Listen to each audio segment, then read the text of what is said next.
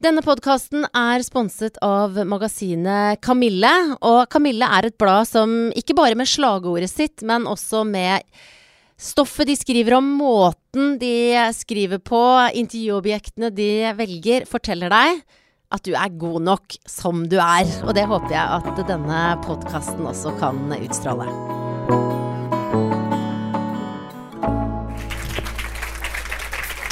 Fra lille Ole Bull scene i Bergen. Dette er Bra damer live. Jeg heter Guri Solberg, og jeg var litt frekk nå fordi at jeg bare satte i gang, og uten å gi dagens gjest noe forvarsel Hun har akkurat nå humpa seg opp på scenen.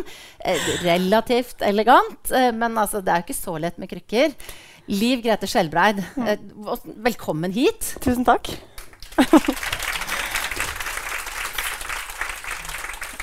Eh, jeg vet ikke hva jeg skal ja, Jo, jeg begynner med krykkene. Ja. Uh, hva er det som har skjedd? Nei, det er faktisk et planlagt inngrep. Ja. Uh, det er litt uvanlig å gå på krykker når det er planlagt eh, for min del, for jeg bruker som regel å være uplanlagt. Ja. Men eh, jeg har jo øvd med noen år, så ja. Men, eh, så jeg klarer det fint ennå. Mm. Det var egentlig bare for å sjekke om formen var god nok. Og var den det? Ja. Ja. Den, Bare ett fall så langt. et, hvor, Når var det du falt? Jeg skulle inn på flyplassen på Kjevik, og så hadde det regna, og så fort krykkene rett ut. Hvordan er du i en sånn situasjon? Nei, det første er liksom Var det noen som så det? Var det noen som så det? Ja. Mm. Kjenner du da på at du er Liv Grete Skjelbreid som har trynet? Ja. Mm. Og hvordan er du når du er i en sånn situasjon? Da prøver jeg å komme meg fortest mulig opp igjen, og så da er det litt armer og bein i alle retninger, og så bare går jeg vekk. Mm. Så helser jeg sånn fint. liksom. Det gikk fint. Gjorde litt vondt. Men du er jo en dame, Liv Grete, som altså, Vi er jo vant til å se deg. Vi er, om vi ikke har sett deg trynet på Kjevik flyplass, så har vi jo sett deg i treningstøy med lua på snei på standplass med startnummer på brystet. Men når jeg sa jeg ikke visste helt om jeg skulle begynne med krykkene, så var det fordi at jeg hadde litt lyst til å begynne med skinnjakka. For har, altså, du, ser, du ser jo alltid utrolig flott ut, men jeg har aldri sett deg i noe annet enn treningsklær, tror jeg. Nei, og, og i tillegg med kjole. Du har kjole og... jeg får ikke bukse på meg, Å ja. så nå har jeg begynt å øve meg med kjole. Så. Hvordan, eh, hvordan vil du beskrive eh, stilen din? Impulsiv som alt annet. Mm. Det jeg tar da som jeg har lyst til å felle på, det som er praktisk. Det er deilig. Så nå har jeg begynt å bli glad i å gå i kjoler, faktisk. Går oftere og oftere med det. Og det er jo veldig kjekt, for det er litt gøy å være dame av og til òg. Er det noe som du har eh, Det hørtes ut som det var noe som du hadde oppdaget nå i det siste. Eh, kanskje ikke nett det siste, men det er jo sånn halve Kanskje store deler av livet i hvert fall, så har jeg stått opp om morgenen og tatt på meg treningstøy. Og så har jeg kommet inn igjen, og så har jeg hvilt, og så har jeg tatt på meg treningstøy. Og da er det begrensa hvor mye du gidder å fikse på deg når du vet du skal ut igjen og trene om et par timer likevel. Så da er det stort sett å ligge på sofaen eller på senga og slappe av. Så det blir litt sånn, iallfall på min tid og den måten jeg drev toppidrett på, så ble det lite fokus på det. Men eh, i dag og etter du begynner å jobbe litt Nå står jo, jeg jobber jo TV, men da står jeg jo bare i boblejakke og hue likevel. så ikke så veldig store ting jeg kan forandre på. Men eh, klart det er gøy å få lov til å være dame av og til. Det er det. Men du, dette her med å stå opp og trene og hvile og stå opp og trene igjen, altså det har vært livet ditt nesten hele livet. Fram til du la opp for er det nå tolv år siden. Mm. Ja. Hva var den største forandringa?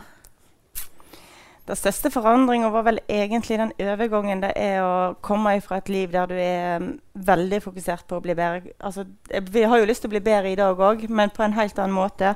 Alt handler om det kroppslige. Det handler om hvordan du føler deg alt ifra lille tå opp til hodet på muskulært. Og det handler om hva, hva du skal gjøre, hva du skal ete, hvor mye du skal sove. Alt som kan påvirke resultatet. Det skal på en måte optimaliseres hele veien. Så du har et vanvittig fokus på det.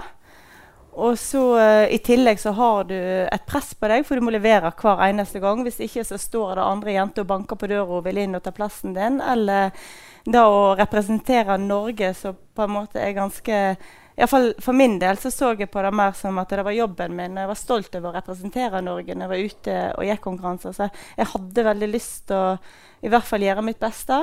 Og ikke minst da å være så godt forberedt som jeg kunne. fordi da tok det vekk litt press. For jeg visste Hvis jeg hadde forberedt meg, så var jeg den beste utgaven av meg sjøl. Og da måtte de andre slå meg, og da skulle de få plassen hvis det var mulig. Det er, det er sånn interessant å høre på deg når du snakker om det, for du er veldig sånn analytisk. sant? Det er sånn som mm. eh, idrettsutøvere gjerne er. sånn, De spiser riktig sånn og sånn, og fokus og optimalisere. ikke sant? Det er en sånn ordbruk som, som er veldig spesiell når man tenker på at du snakker om deg sjøl. Hvordan er det det at du faktisk har vært ditt eget verktøy da, gjennom eh, en lang karriere? Eh, jeg syns det var vanskelig etter idretten å finne ting å overføre det til vanlig liv. Men jeg merker jo da at den eh, måten jeg har analysert meg sjøl på hele veien For mitt redskap da var kroppen min og tankene mine. Mm. Og da å ta kontroll over de og styre de, det har faktisk hjulpet meg i veldig mange situasjoner i eh, livet etterpå.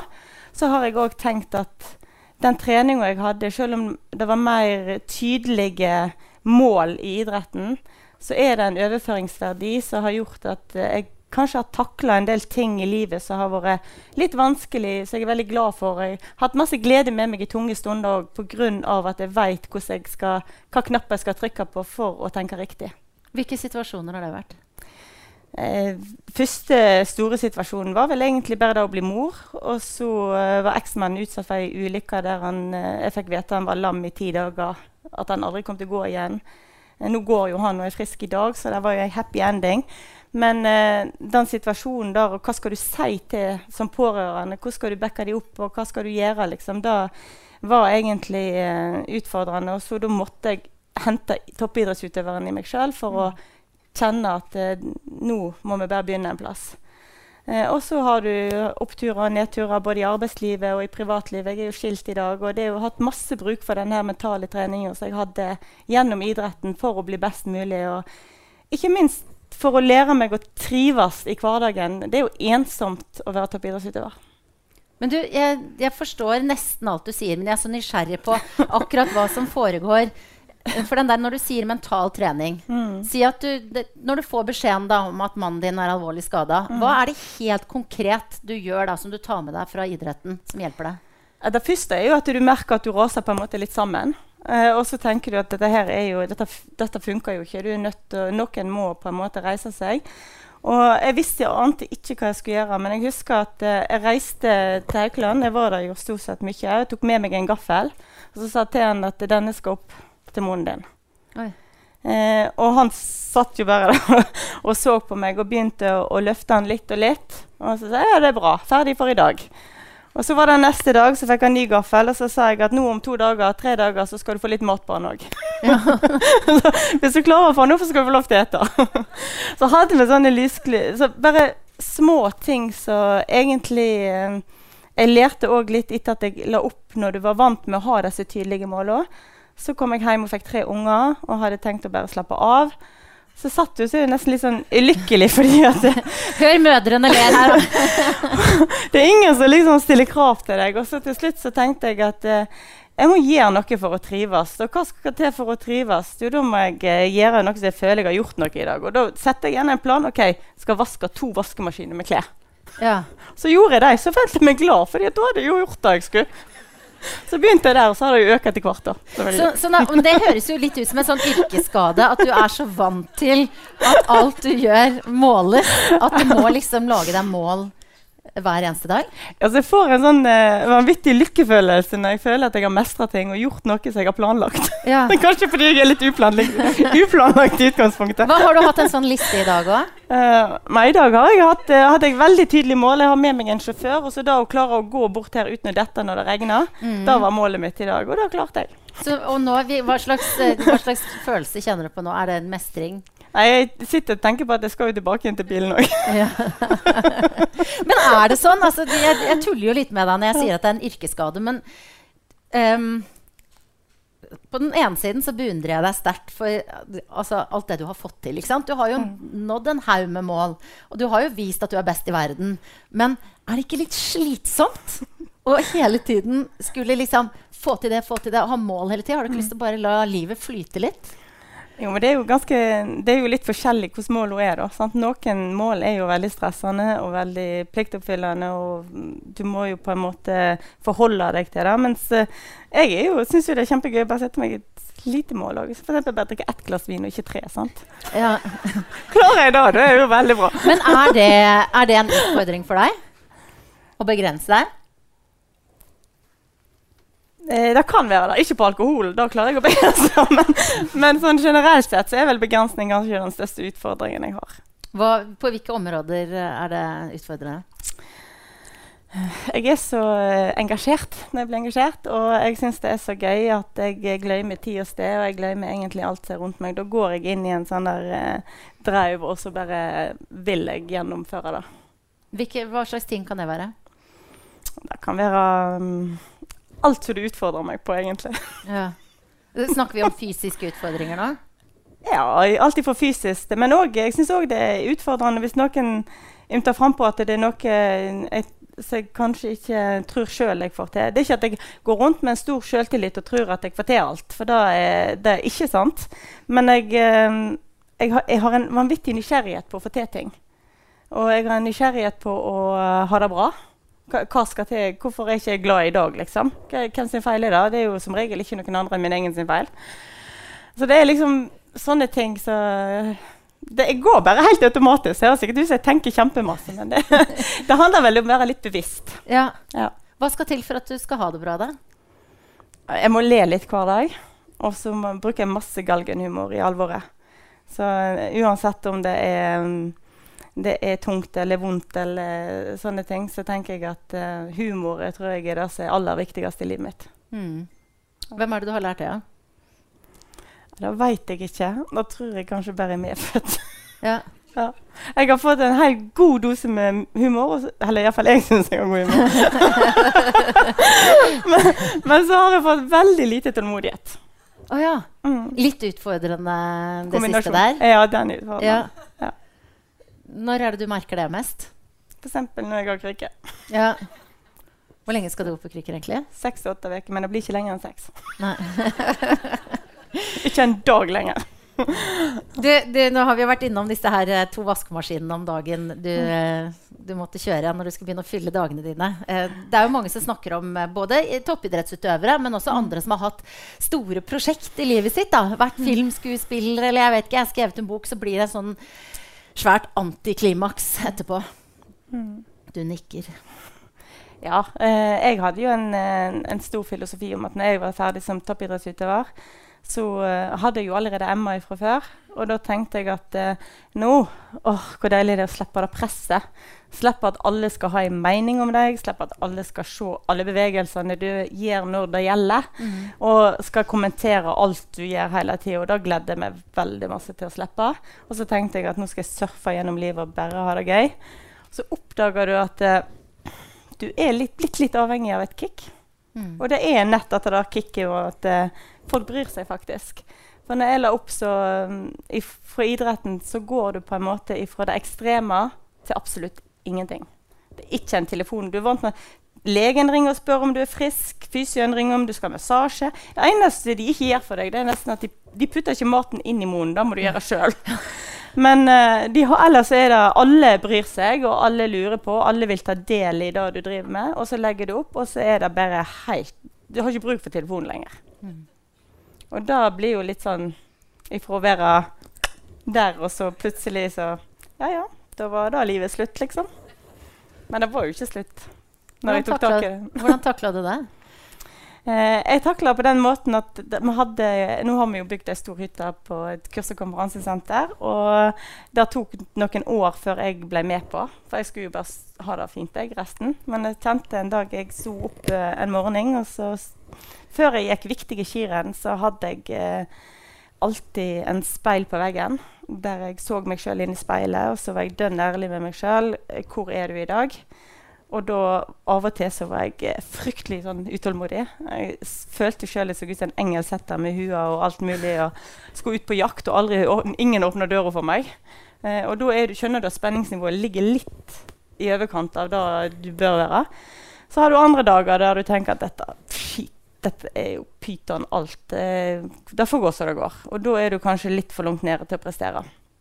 Og jeg, jeg hadde en sånn morgen der jeg våkna der jeg så at jeg var helt flat. Jeg tenkte at hva glede har du i dag, egentlig? Ja, jeg er superglad i ungene mine og kjempebra, men uh, jeg har ingenting som gjør meg nervøs, ingenting som pusher meg. Så da gikk jeg og så sa jeg da at uh, OK, jeg skal bli med på dette prosjektet. Og da bygde vi opp et uh, kurs- og konferansesenter på ett år.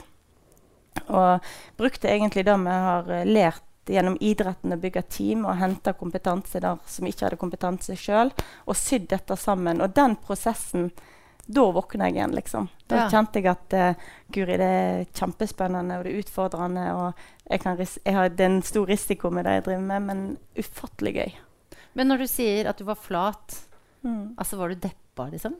Kanskje på vei inn i en altså, Jeg kan ikke kalle at jeg har vært deprimert, for det tror jeg vil være feil å bruke det ordet. Men at jeg var mm, kanskje ikke fullt så lykkelig som jeg følte at jeg kunne være. Mm. Det var noe som mangla i livet mitt. Og da uh, syns jeg at uh, det var viktig å ta imot en utfordring, og det var viktig å tørre å våge. Og akkurat som jeg gjorde i idretten, jeg sammenligner veldig med den dagen jeg bestemte meg for å satse på ski. da. For da òg var jeg jo veldig usikker på om jeg skulle. Mm. Men så blir du da på et eller annet vis veldig sikker da, i disse avgjørelsene dine? Jeg tror kanskje det at når det liksom startskuddet går, da, da er ikke tilsnakkende. Da er, da er det én vei. Jeg snur mm. meg aldri tilbake igjen. Men selv da, når du er ikke sant, Om du ikke er inne i den en, liksom, eh, terminologien må vi passe på her, men det er ikke i ferd med å bli deprimert. men liksom du sier du kjenner deg flat. Selv da så angriper du det med en liksom analyse. sånn, ok, Hva er det jeg mangler? Det er idrettsutøveren litt Eller er du sånn i alle situasjoner? Jeg tror nok jeg har det litt i meg uansett hva jeg gjør. Fordi at uh, jeg syns det er så Kom an, da! Kom an! La det skje noe. Litt sånn, men, eh, men jeg kan òg være helt av.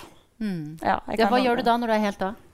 Ja, da, eh, da, er jeg helt borte vekk i min egen verden og legger meg ned på sofaen og slapper av. Eller så bare hiver jeg meg på et fly. Mm. Gun. Hva gjør du da? Jeg har gjort det eh, Ja, reise sånn. Kan plutselig finne på å reise fire dager til London, og så sto jeg plutselig på Oxford Street Misten alene og tenkte Hva gjør jeg her? Altså eh, aleine spontantur til London? Ja. Mm. Det gjorde jeg. Og da var, det var egentlig òg litt sånn konkurranseprega, for det var noen som trodde at jeg aldri kom til å gjøre det. så da trykte jeg bare på knappen, og så var det bestilt. Og så satt de på flyet to timer etterpå. Ja. ja. Og jentene dine var aleine hjemme, eller? Nei, det var jo, det var jo, det var jo kanskje for å provosere litt. Og Sånn at uh, han eksmannen min skal få lov til å gjøre litt. Vær så god, her det jeg drar til London. Ja. ja. Hva slags forhold har du til han, uh, forresten? Er det, driver du og provoserer han? Sånn det? det kan godt hende han føler at jeg provoserer han, men jeg syns han fortjener det. Jeg vet ikke. det var én som klappet der. jeg har eh, et bra forhold til han, og da tror jeg òg er faktisk eh, en veldig bevisstgjøring. Eh, og jeg tror jeg har dratt det òg med meg, eh, inkludert han fra idretten. da at eh, Den dagen vi bestemte oss for å, å skille lag, eh, så sto vi bare overfor hverandre og sa at men dette, dette skal vi klare overfor jentene. Mm. Og da er du kanskje nødt til å svelge noen kameler, så er du nødt til å eh, føye deg litt, og så må du ta og gi litt og, og ha den måten å fungere på. Det er jo det er en grunn for at vi er skilt, så det er jo feil å si at vi er beste venner. Men vi har et felles mål, og det er om å være gode foreldre for ungene våre. Og da har vi fram til nå bare bodd 100 meter ifra hverandre, så ungene har sprunget midt imellom. Og det har fungert bra. Mm. Det har det. Det å skulle bli skilt når man er sånn som du beskrev i begynnelsen, liksom alle har en mening om deg og vet hvem du er. og og samme med, med eksmannen din. Da. De ja. visste jo godt hvem han var også. Ja. Uh, hvordan, hvordan, opplevde du det egentlig? Jeg syns eh, altså, På en måte så Hvis jeg skal se tilbake igjen på det, så var vi jo kanskje enige om at vi var veldig forskjellige og hadde behov for uh, litt luft. og Det var ikke noe sånn veldig brutalt brudd, egentlig. Men jeg sleit jo veldig med det uansett hvis jeg gikk inn på et fly, så var det noen som kom bort og sa du må ikke kvitte deg med han snille mannen der, og du må ikke gjøre sånn, og du må ikke gjøre sånn. Og jeg, hva gjør jeg nå, liksom? Har jeg vært impulsiv nå igjen, liksom? Ja, var du redd for Men, det? eh, ja, altså, jeg følte jo egentlig at jeg såra familie, jeg såra alle andre, og så ble jeg veldig lei meg pga. det. da. Eh, For du, du, jeg klarte kanskje ikke helt å skille det der med at dette er mitt liv. Dette er vi som bestemmer hvordan vi skal ha det. For eh, jeg ble litt revet med på alle meningene som alle hadde. Og eh, fryktelig redd for at eh, Det gikk jo masse rykter. sant? Altså, jeg og han vi var jo sett på som et sånn der eh, eh, speilbilde. Flott og fint. sant? Og vi var, det var masse fine øyeblikk. Men eh, når vi var ferdig med idrettskarrieren, så hadde vi plutselig ikke noe felles lenger som gjorde at vi trivdes, eller ga hverandre energi. da. Så da fant vi ut at det var bedre å gjøre det på den måten og fortsette som et vennskap.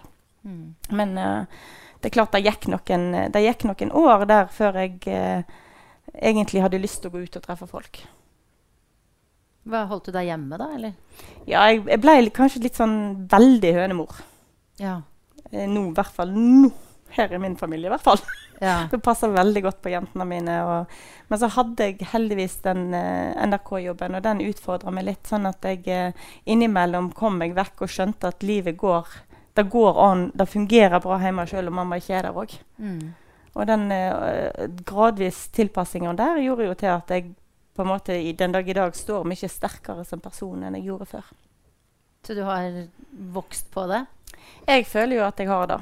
Mm. Så eh, jeg føler meg tryggere. og Sikkert litt med alder å gjøre òg, men jeg syns det har vært um, en prosess der jeg um, Nå, nå veit jeg på en måte hva jeg står for. Mm. Mm. Uh, ja, du sier dette med alder. Det er jo mange som, uh, som jeg intervjua her i denne, denne podkasten, som snakker om det samme. ikke sant? Som uh, beskriver en sånn trygghet som kommer ja, for noen, ikke før de blir 42 snart. Men, men, eh, men eh, hvordan var du f.eks. da du var tenåring? Som tenåringer flest, tror jeg. Jeg var vel egentlig mm, Jeg hadde en del hormoner, kan du si. Og jeg syns jeg hadde foreldre som var så utgått på dato. Nå er jeg tenåringsmor sjøl. Og utgått på dato. så jeg, eh, jeg får det rett i fleisen tilbake igjen. Men det var nok jeg, nok, jeg trodde nok jeg hadde mest peiling på hva, som var, hva livet bestod av sjøl. Og jeg tror eh, jeg skal takke foreldrene mine for at de var så smarte som de var, og på en måte lot meg tro det. Samtidig som de hadde bra kontroll. Men ofte så er jo den, eh, i hvert fall sånn for å snakke for min egen del, at den der skråsikkerheten som man kjenner som si 17-åring da, Jeg var aldri så tøff i diskusjoner som jeg var da jeg var 17, men inni meg så var jeg jo kanskje på mitt liksom mest usikre. Eh, hvordan var det med deg? Hvis du var tøff i trynet, hvordan var du inni? Jo, det var jo helt klart. Det var ikke minst når jeg skulle ta valg om jeg skulle drive med skiskyting eller ikke. Så var jo jeg Jeg skulle jo til Bergen og erobre Bergen, jeg. Og snu den opp ned. Det var jo målet mitt.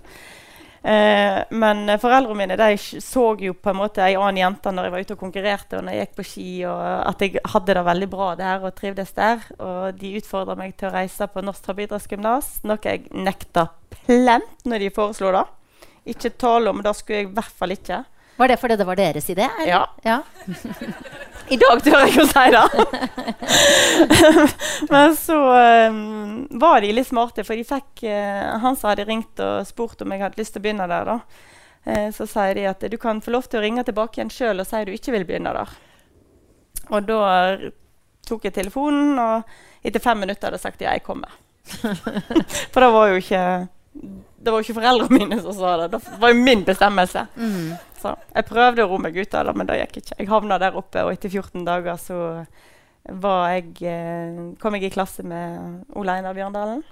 Og han var jo den Det er så bra, for du sa det sånn for å sjekke om jeg visste hvem det var. Jeg måtte si etternavn nå, Ja, for Bjørndalen, ja. Det er han som akkurat kanskje har lagt opp. Men i hvert fall så, eh, så Han var jo den gangen veldig profesjonell og veldig dedikert og hadde skrevet treningsdagbok sikkert i tre-fire år tidligere. Og det irriterte meg altså så grenseløst at han fikk så mye oppmerksomhet. Oh, ja. Så da tenkte jeg at ok, det kan, kanskje han blir bedre enn meg, men han skal aldri stille på startstreken uten at jeg er like godt forberedt som han i min konkurranse. Mm. Og da begynte jeg å bli interessert i hva han gjorde for å forberede seg. Og på den måten så ble jo jeg en liten sånn kopi på en måte at eh, Hva er det som virkelig skal til? Hva, hva krav stiller det egentlig for å bli verdens beste? Og der gikk jeg inn i bobla mi. og så jeg er faktisk veldig takknemlig for hun som sitter der, er jo barndomsvenninna mi. Har kjent meg siden jeg var sju år gammel, så hun har jeg fortsatt. Ja, Selv om jeg har vært i ei boble i veldig mange år. Ja, er det noen venner du har mista på veien? Ikke de beste vennene mine. Jeg, eh, jeg tror da at jeg har vært i et miljø, kom fra en liten plass, mange drev med det samme, og jeg tror de fleste skjønte egentlig hvor det bar, eh, og de skjønte hva, hva du må til. Eh, og så tror jeg at kanskje den tida når jeg vokste opp, så var du litt friere. Du var ikke så avhengig av venner. Selv om du var avhengig av dem, men så var du litt sånn Du klarte deg litt mm. å gå veien sjøl. Iallfall gjorde jeg det. Og da tror jeg at det hjelpte meg til å mm, tenke at eh, å sende et kort iblant og treffe de når jeg var hjemme, så, så er det ikke alltid det er så masse som skal til, så lenge de vet hvorfor det er sånn. Mm. Hvis du er flink å forklare hvorfor du ikke kan være med. Er, du er blant venner her i kveld også. Det er uh, et nydelig publikum som sitter rundt oss her. Jeg har lagt uh, sånne lapper på bordene deres med noe penn. Jeg kom på, jeg må bare si det, at Hvis det er noen av dere som lurer på noe, uh, som har lyst til å stille Liv Grete et spørsmål, så skriv gjerne spørsmålet på et ark. Og så skal, jeg gi en ansvarlig person her Jeg skal se, ja, du kanskje kan få ansvaret på å samle inn og gi til meg. Eh, så skal jeg se om det går gjennom den strenge kontrollen som Det er ikke så streng kontroll, altså. Men, men eh, det kan vi gjøre etter hvert. Det, du har selv to søstre, ikke sant? Ja. og nå er du trebarnsmamma til tre jenter. Hva er viktig for deg er, når du er mamma? Eh, det viktigste og det mest utfordrende er å se eh, når de vokser opp, hvem de er. eh, og bli bevisst på hva personligheter de har, og så bygger de sterke på, på det de er. Og der er jeg jo igjen Jeg, jeg drar jo sammenligninger til idretten hele tida. Jeg hadde jo 250-270 reisedøgn i året i lag med storesøstera mi. Eh, og jeg husker enda at vi hadde en sånn personanalyse. Og jeg må bare si, Hun har jeg vært helt avhengig av. Hun er, har vært stolpen i hjertet mitt i alle år og er den som er hovedårsaken til at jeg kunne stå på seierspallen. Og da å kunne se de forskjellene Og vi var kanskje de på laget som var, hadde størst personlighetsforskjeller. Ikke, ikke noe som var dårlig eller bra, men vi var så forskjellige. Ah, ja. Hun hadde den der strukturerte gjennomføringsevnen og alt mulig. Og så hadde hun ei gal lillesøster som gjorde alt hun sa, og trodde på alt hun sa. Så derfor så ble det liksom en, eh, en veldig sånn fin vei for meg å gå. Og da, det er òg grunnen til at jeg Alle mine prestasjoner de deler jeg med henne. eh, 100 Mm. For jeg vet at jeg hadde ikke, jeg hadde ikke vært den jeg ble i dag hvis ikke det hadde vært for, for akkurat henne. Gjelder det eh, skiskytterkarrieren, eller? Nei, hun er veldig flink den dag i dag. Mm. Det, hun kan jeg ringe til når jeg står på Gardermoen. Skal jeg sørover eller østover? Eller nordover?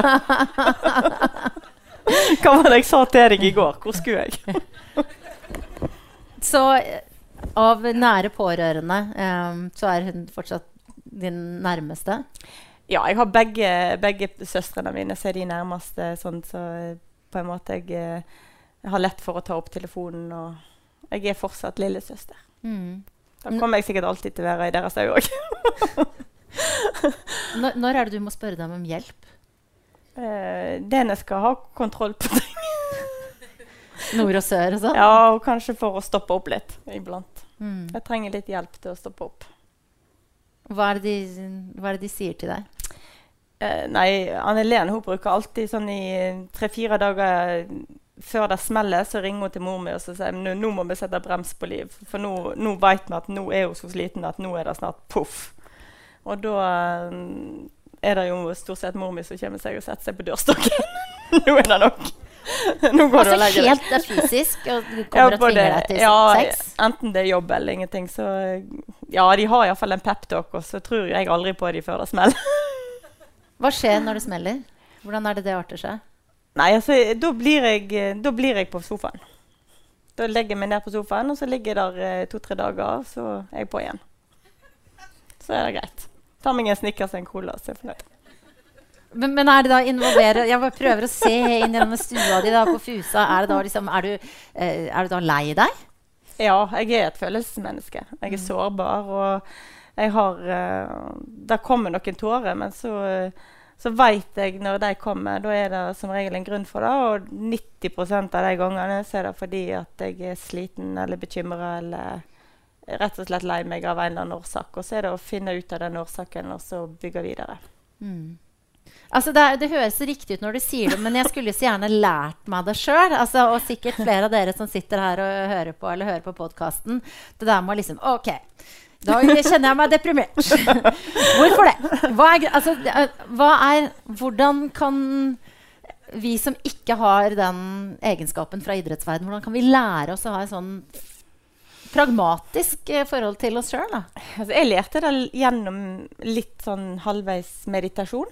Jeg husker på jeg har trent på det i, siden jeg begynte å gå på ski da jeg var ti år gammel.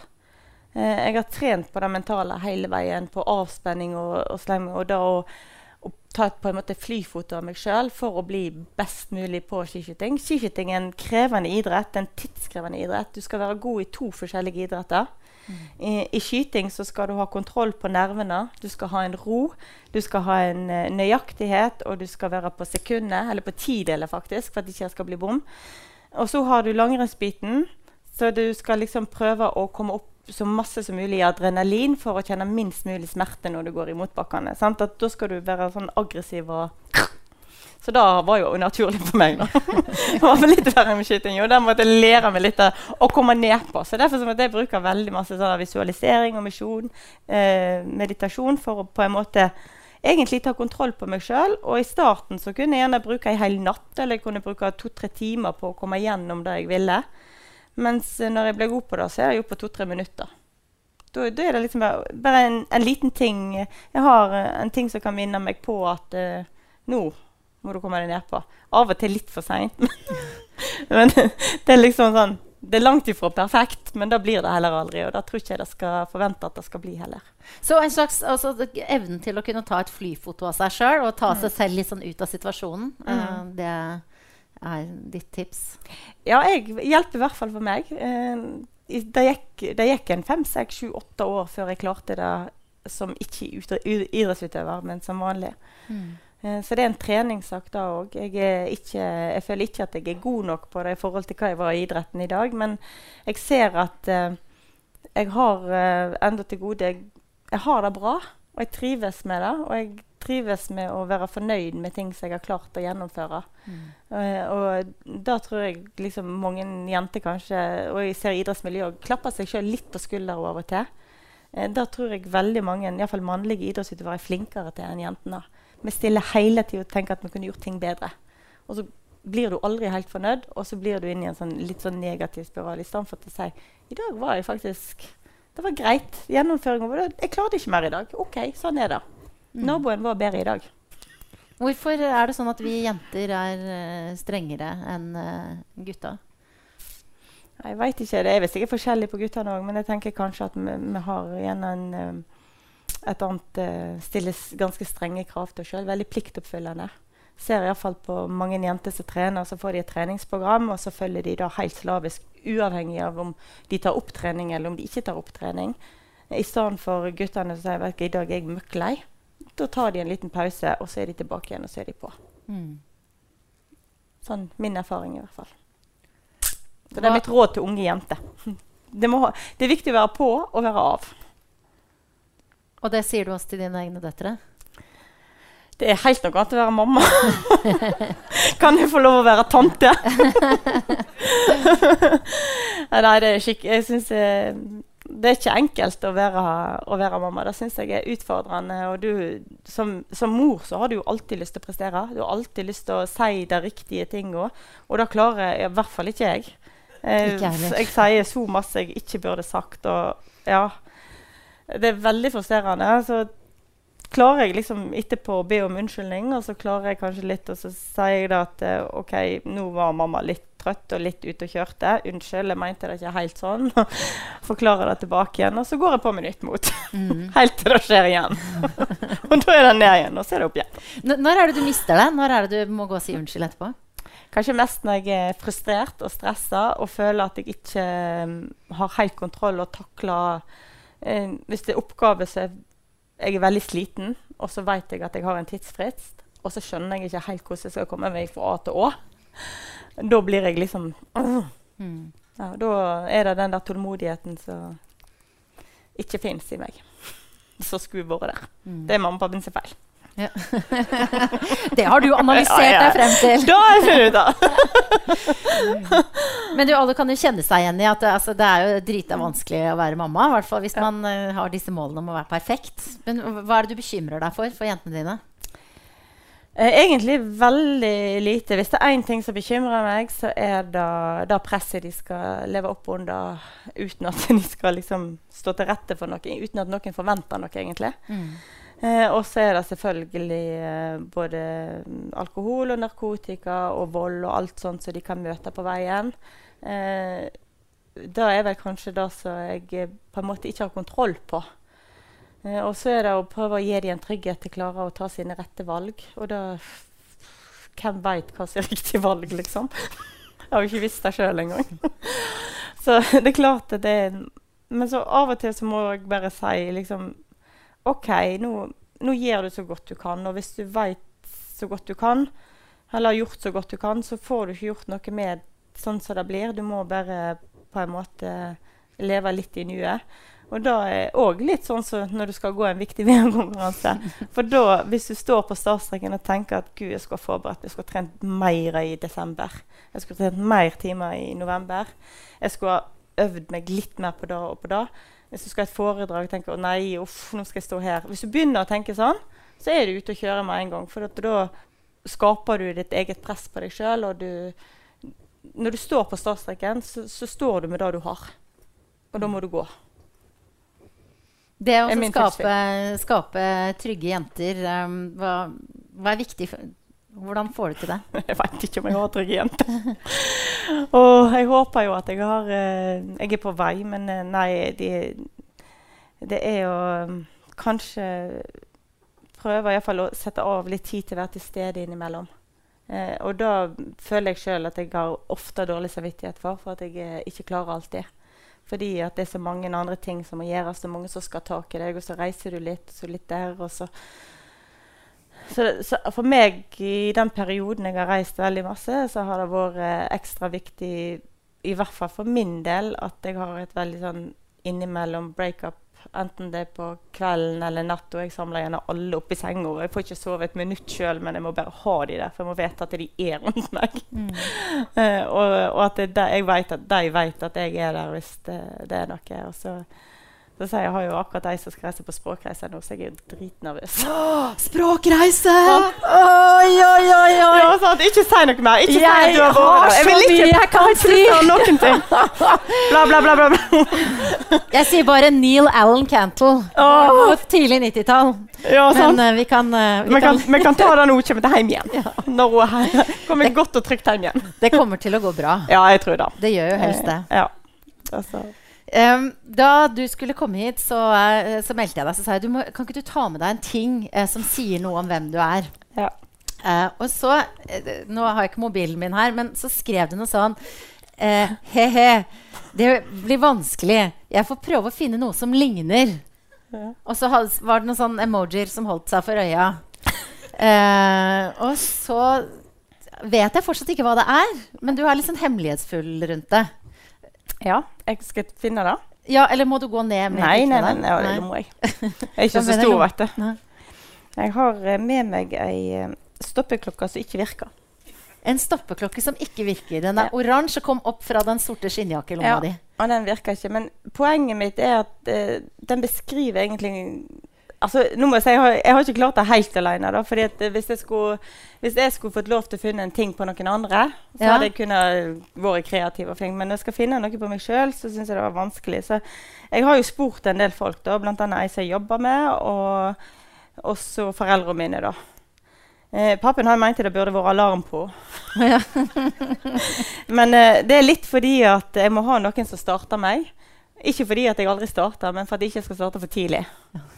Eh, og så må jeg ha noen som stopper meg eh, når jeg sier stopp, for ellers så har jeg en, en egen evne til å ikke stoppe. Og da blir det dårlig kvalitet. Så jeg må ha noen som stopper. Og da at hun ikke funker, da er jo rett og slett fordi at jeg har ikke forberedt meg på Tommy. Og det er på en måte også illustrerende, eh, eller? Ja, for jeg er veldig impulsiv. Mm. Eh, jeg er lite tålmodig, jeg er veldig impulsiv, og jeg er en livsnyter uten like. Og så går jeg på noen smeller, så det ser. Inni og ned. Men uh, der reparerer vi. Ja. Veldig fan av den sangen til Mats Hansen, forresten. Ja, er du det? Nei, nei, kan operere. Det var ikke et kosmetisk inngrep? eller det? Vi har på en måte ikke gravd så veldig i det? Egentlig. Nei, det er, det er ikke det. Det er nødvendig inngrep. Ja. Men du vil ikke si hva det er? Det, var det Nei, det er en gammel idrettsskade som jeg egentlig har utsatt og utsatt og utsatt. Og utsatt, og så nå var ungene blitt så store at nå kunne de hjelpe meg litt. Mm. Og da, det er ikke så lett å gå på krykker når du har tre små unger. Nei, klart det. Ikke, sånn. ikke, frivillig, i hvert fall. Men du, altså, apropos, altså, nå passa det å ta den operasjonen. Og det er jo liksom sånn eh, Nei, det passa ikke, men de ringte meg og spurte om de skulle stryke meg på lista. Oh, ja. Og da hadde jeg eh, noen få dager å bestemme meg på, for det var noen som hoppet av. Og da hoppet jeg selvfølgelig på. Ja. Så har jeg jo angra litt i etterkant, for det gikk litt fort. Igjen litt sånn illustrerende. ja, det, litt, det, går litt igjen, kan du si. Du kommer til å klare det. Ja da. Jeg har det fint. jeg tenker sånn, eh, Hvis man går inn på Wikipedia-artikkelen om deg, så, så, står det jo alle dine eh, bragder og medaljer og karriere og sånn. Og der, men der står det også hvor høy du er, hvor mye du veier. Og det er jo sånn mm. måten vi har snakka om det nå. ikke sant? Du har hele tiden hatt kroppen som verktøy. Mm. Nå kunne du operere for noe. Altså, mm. Hvordan er det nå? Altså, hvor, når du ikke er toppidrettsutøver lenger, hvordan forholder du deg til kroppen din da? Litt for lite.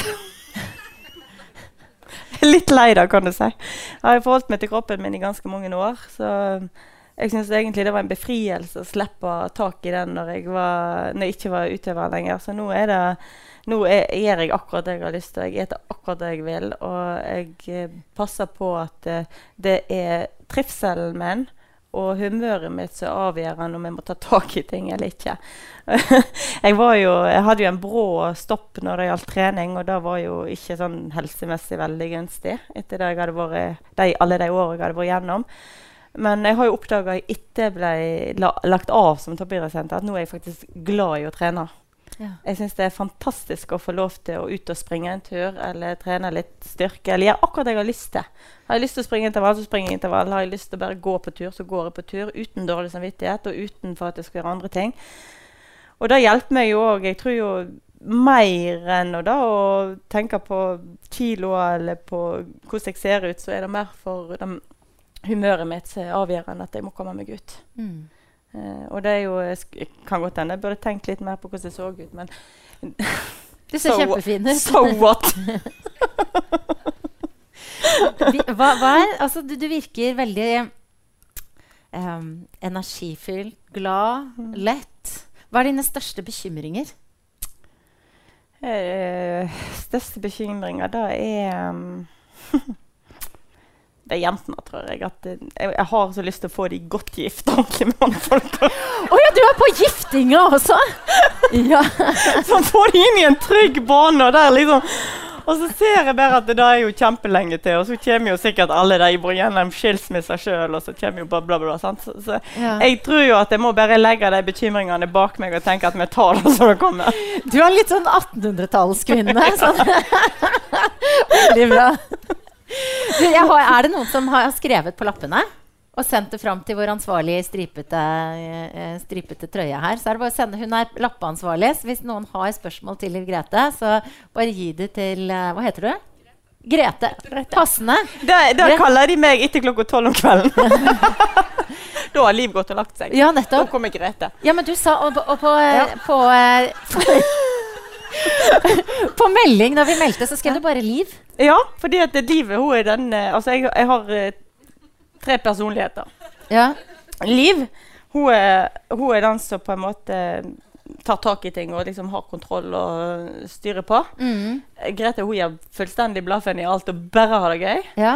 Og når jeg skulle prestere, så lærte idrettspsykologen min at hun sa da, at hun var litt sånn frustrert, for en dag så var jeg sånn, og så en dag så var jeg sånn. og så, så Hvis du setter sammen Liv og Grete, da kommer dette til å bli kjempebra. Da blir det litt av begge deler. Og da øver jeg på fortsatt. Ja. Og nå, nå eh, denne drøye halvtimen-aktig som vi har snakka om, nå, hvem, hvem har vi sett mest av? Eh, nei, det har nok vært en kombinasjon, for det er litt seri seriøst. Altså, jeg, jeg mener det jeg sier, og jeg er litt seriøs på at det er viktig å ta ansvar for sin egen trivsel og for sitt eget liv, og ikke hele tida tenke at det er andre sin feil at ikke jeg har det bra, eller det er andre sin feil så, at de ikke er gode nok, eller akkurat Jeg hadde jo utskifting av trenere i noen år hvert eneste år, og jeg ble så frustrert. Og så tenker jeg, er det virkelig noe i veien med treneren? Eller er det egentlig oss det er noe i veien med? Hvordan i alle dager vil du få en god leder hvis ikke du har lyst til å gjøre lederen din god? Så hvis jeg hadde jo en krav på meg til å gi han de riktige tilbakemeldingene for at han skal ha forutsetninger til å være en god leder tilbake igjen. Men så klarer jeg alltid å snu litt sånn humoristisk på ting, så ikke alltid kanskje blir tatt like seriøst. Jeg vet ikke. Men uh, det er kanskje fordi at det er leiken i meg, og det som gjør at jeg trives og har det kjekt, det er at jeg kan få lov til å ha litt uh, gøy i alvoret. Men føler du at du altså, Savner du å bli tatt mer alvorlig? Jeg savner vel ikke at, å bli tatt mer alvorlig for andre, men jeg savner kanskje at Liv, nå, nå, nå kunne du vært et par hakk ned. Eller Grete kunne vært tatt. Ja, nettopp. Ja. Så du har sånne indre dialoger med deg selv, du også? Eh, Når jeg tenker etter. Mm. Men det er ikke hver dag jeg tenker. det når jeg blir sett i sånne settinger og blir utfordra på å forklare hvem jeg er. og sånne ting. Så Ja, ja men jeg, det er eh, sunt, det, er ikke det? da, Jo, det er veldig sunt, og det Ja. er veldig utviklende, syns jeg sjøl. For jeg føler at jeg kan bli bedre på veldig masse. Dette er veldig gøy, for nå uh, ser jeg at du har sånn lurt smil. Nå har jeg fått en hel haug med lapper eh, en fra sånn de bra damene eh, eh, som eh, ah, Utrolig mye. Eh, Du nevner eh, det å klare å se, etter hvert som vokser, barna vokser, hvem de vokser til å bli. Se personlighetene. Kan du fortelle mer om det? Eh, ja. Eh, altså, jeg har jo eh, tre jenter, og de er jo tre forskjellige. Det er jo ingen av de som er like i personligheten i hele tatt. Kanskje litt eldste og yngste, men allikevel ikke. Eh, og så har du um, ei sånn liten Grete i midten. som har liksom Og så har du eh, eldstemann litt mer liv, og så har du hun minste som kanskje er Liv-Grete.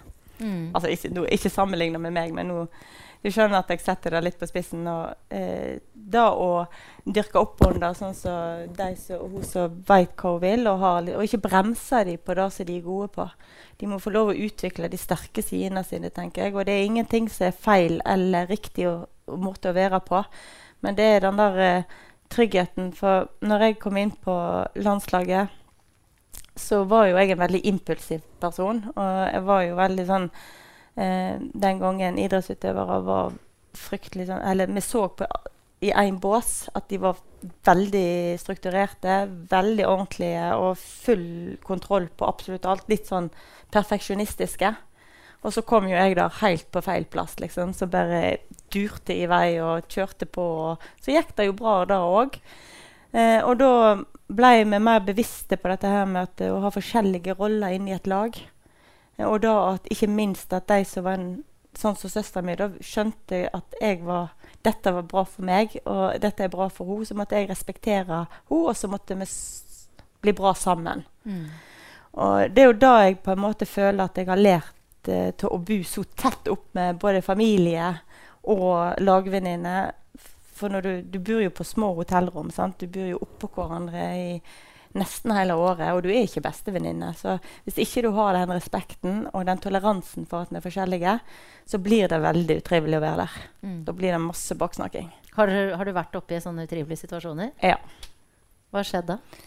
Nei, det er jo Altså, du blir jo umotivert. Du blir en dårligere utgave av deg sjøl, og du går inn i en sånn spiral der du bare snakker shit og negativ og uh, syns at den er helt teit, og den er helt teit, og så er det egentlig du sjøl som er helt teit som går rundt og tenker sånn. Hvem har du baksnakka? Hvem jeg har baksnakka? Ja, hvem har du baksnakka? hvem var den største bitchen? Jeg har jo lyst til å si det! Ja, come on! Nå stopper vi der. Ja, ja, det, det Nå, var, nå hanka Liv Grete inn igjen, så du det? Ja, det var, jeg dro det feil retning. Vet du. Det er jo en podkast hvor det er søsterskap, og vi skal backe hverandre. Så jeg skal ikke oppfordre til baksnakking. Jeg spør heller som en lurer på, har du et mantra? Nei, ikke noe sånn fast. Annet enn uh, vilje, glede. Jeg er helt ute å kjøre nå. Treff blinken, treff blinken, treff blinken. Nei. Jeg er litt opptatt altså, det kan at Jeg føler jo at jeg treffer, men treffer litt seint Nei, nei jeg, jeg, er, jeg har et livsmotto, og det er at jeg sjøl vil eh, på en måte Jeg har et eget ansvar for at jeg har det bra i livet mitt. Mm. Eh, og det er sånn som jeg stadig må minne meg på, og det går jo på en del sånne ting så kan gå en av to-tre måneder der jeg ikke har det så bra, og så blir du blir litt lei av å ikke ha det gøy òg, da. Jeg blir lei av å være sur. Og da tenker jeg at hva kan jeg gjøre for at jeg sjøl skal ha det bedre? Og så tror jeg at jeg har vært heldig, for jeg er medfødt, eller fått med meg dette at jeg glemmer veldig fort. Jeg, jeg har ikke Jeg drar aldri jeg dro aldri en dårlig konkurranse med meg videre. Altså Klokka seks da barne-TV begynte, da var den konkurransen ut av mitt liv. Og sånn er det litt hvis jeg blir skuffa eller noen blir såra, eller sånne ting. Så er det barne-TV, og så er det slutt, og så begynner vi på nytt. Mm. Er det Sånn fortsatt er det sånn? Ja. Selv om du ikke har barn i barne-TV-alder lenger? ja, jeg husker av og til mamma sa til meg Men du, du er ikke nød, det er ikke nødvendig å glemme så fort, liksom. Sant? For jeg, jeg tenkte jo av og til Da blir du litt naiv, nesten. Sant? Så tror de at de Mm. blir kjempemye snillere dagen etterpå. Men det er jo ikke alltid de er. Men er det noe altså, Du glemmer fort, men er det noe i, i fortiden du kun, Hvis du kunne, ville ha endra? Eh, ja, hvis jeg skulle endre en ting, så skulle jeg ønske at jeg fikk lov til å være idrettsutøver med den tryggheten jeg har i dag. Og da, den erfaringen jeg har, og få testa ut både dette som har med mentaltrening og ikke minst eh, fysisk trening. Fått lov til å utfordre meg sjøl med trygghet. Mm. Uh, fordi at du er jo veldig sårbar og usikker. Og jeg, jeg var veldig avhengig av eh, gode mennesker rundt meg for å prestere når det gjaldt. Det der tror jeg det altså, Av og til så lurer jeg på om det er en sånn naturlov. Altså at, at universet er skapt sånn at det er ikke meningen at vi skal være på vårt eh, sterkeste eller vakreste eller ha mest potensial da når vi har den tryggheten. For at den kombinasjonen ville vært usmakelig eller too much. eller noe sånt. Litt enig der. Men jeg drømmer om det samme. Ja. De som eh, hører fast på denne podkasten, vet at uh, jeg alltid stiller uh, tre faste spørsmål. Trude Drevland, som uh, i kveld er blant publikummerne her, hun, hun sa ganske tydelig på forhånd at hun nektet å svare på ett av de. Men jeg tror kanskje på et vis så svarte du likevel, Trude. Så vi får se da hvordan dette går. Det første er Hva spiste du til frokost i dag? Et egg. Jeg hadde ikke kjøpt brød. Jeg pleier å ete brød, altså, men jeg hadde ikke brød, så kokte jeg meg et egg. Hvor lang tid brukte du på å finne ut hva du skulle ha på deg i dag, Liv Grete? Og jeg har allerede beskrevet ditt eh, kule antrekk. Jeg eh, brukte faktisk eh, Jeg har ikke sånn kjempemasse kjoler, så jeg hadde gått i de andre. Så jeg hadde bare én ren i skapet. så jeg tok den, for jeg får ikke bukser på meg. Ja, hva, hva heter det du har for de som ikke ser deg nå? Det som du har nede på foten? En slags uh, plastikkgips? Ja. Sko, Skinne sko, sko? Tilpassa sko til gipsen. Ja. Mm. Men vanligvis når du skal si en ting som dette, da eh, tenker du, Hvor mye tenker du gjennom eh, antrekk og fremtoning? Eh, jeg, jeg har veldig, altså veldig ofte så bor jeg inn i Hålandsdalen, så er det ikke så veldig mange ganger jeg skal på sånne ting akkurat der. så da setter jeg meg i bilen, og så skal jeg som regel ut og fly. Så da pleier jeg å kjøpe klærne på flyplassen og reise. For da har jeg sikkert funnet ut akkurat i det jeg reiser at jeg eh, hadde ikke akkurat det jeg hadde lyst på. Mm. Så da hender det at det, det er litt dyrt sånn blir det. Siste spørsmålet er når hadde du sex sist? Oi. Og nå hører jeg at Trude ler. Ja. Um, nå har jeg jo et um, litt sånn avstandsforhold, da. Mm. Eh, så Hvem var kjæresten din? Um, jeg, jeg tror ikke noen kan navnet på. Er Nei, men jeg har en kjæreste. Mm? Jeg har en kjæreste, ja. Ja. Er han Nå ble jeg svett. Skal vi òg Det var første gangen jeg innrømte.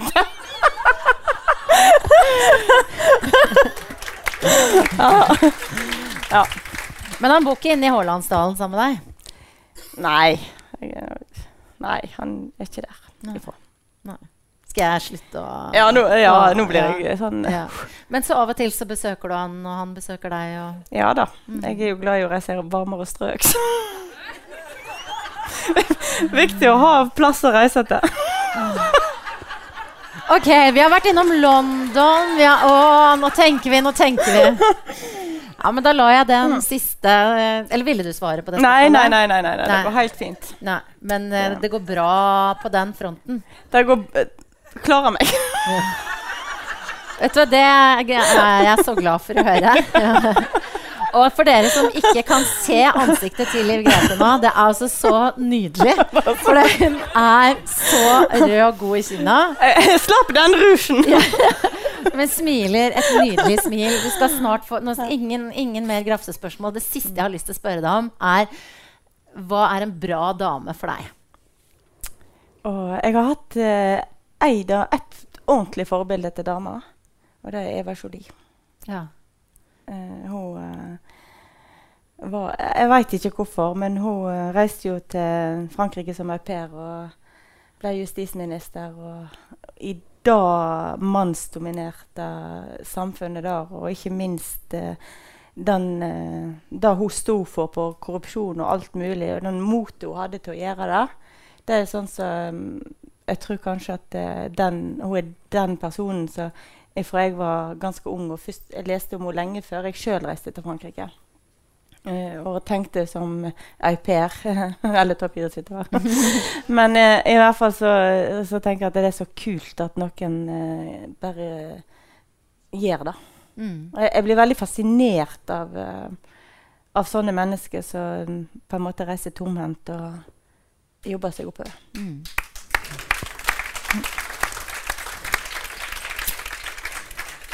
Det er flere andre her som digger Eva Jolie, skjønner vi. En hyllest til henne til slutt. Og så må vi hylle deg og si tusen takk, Liv Grete. Eh, I skinnjakke, på krykker og med alt det du har å komme med. Det har vært en fryd å snakke med deg. Tusen takk for at du ville være med i podkasten min. Takk, Didmar.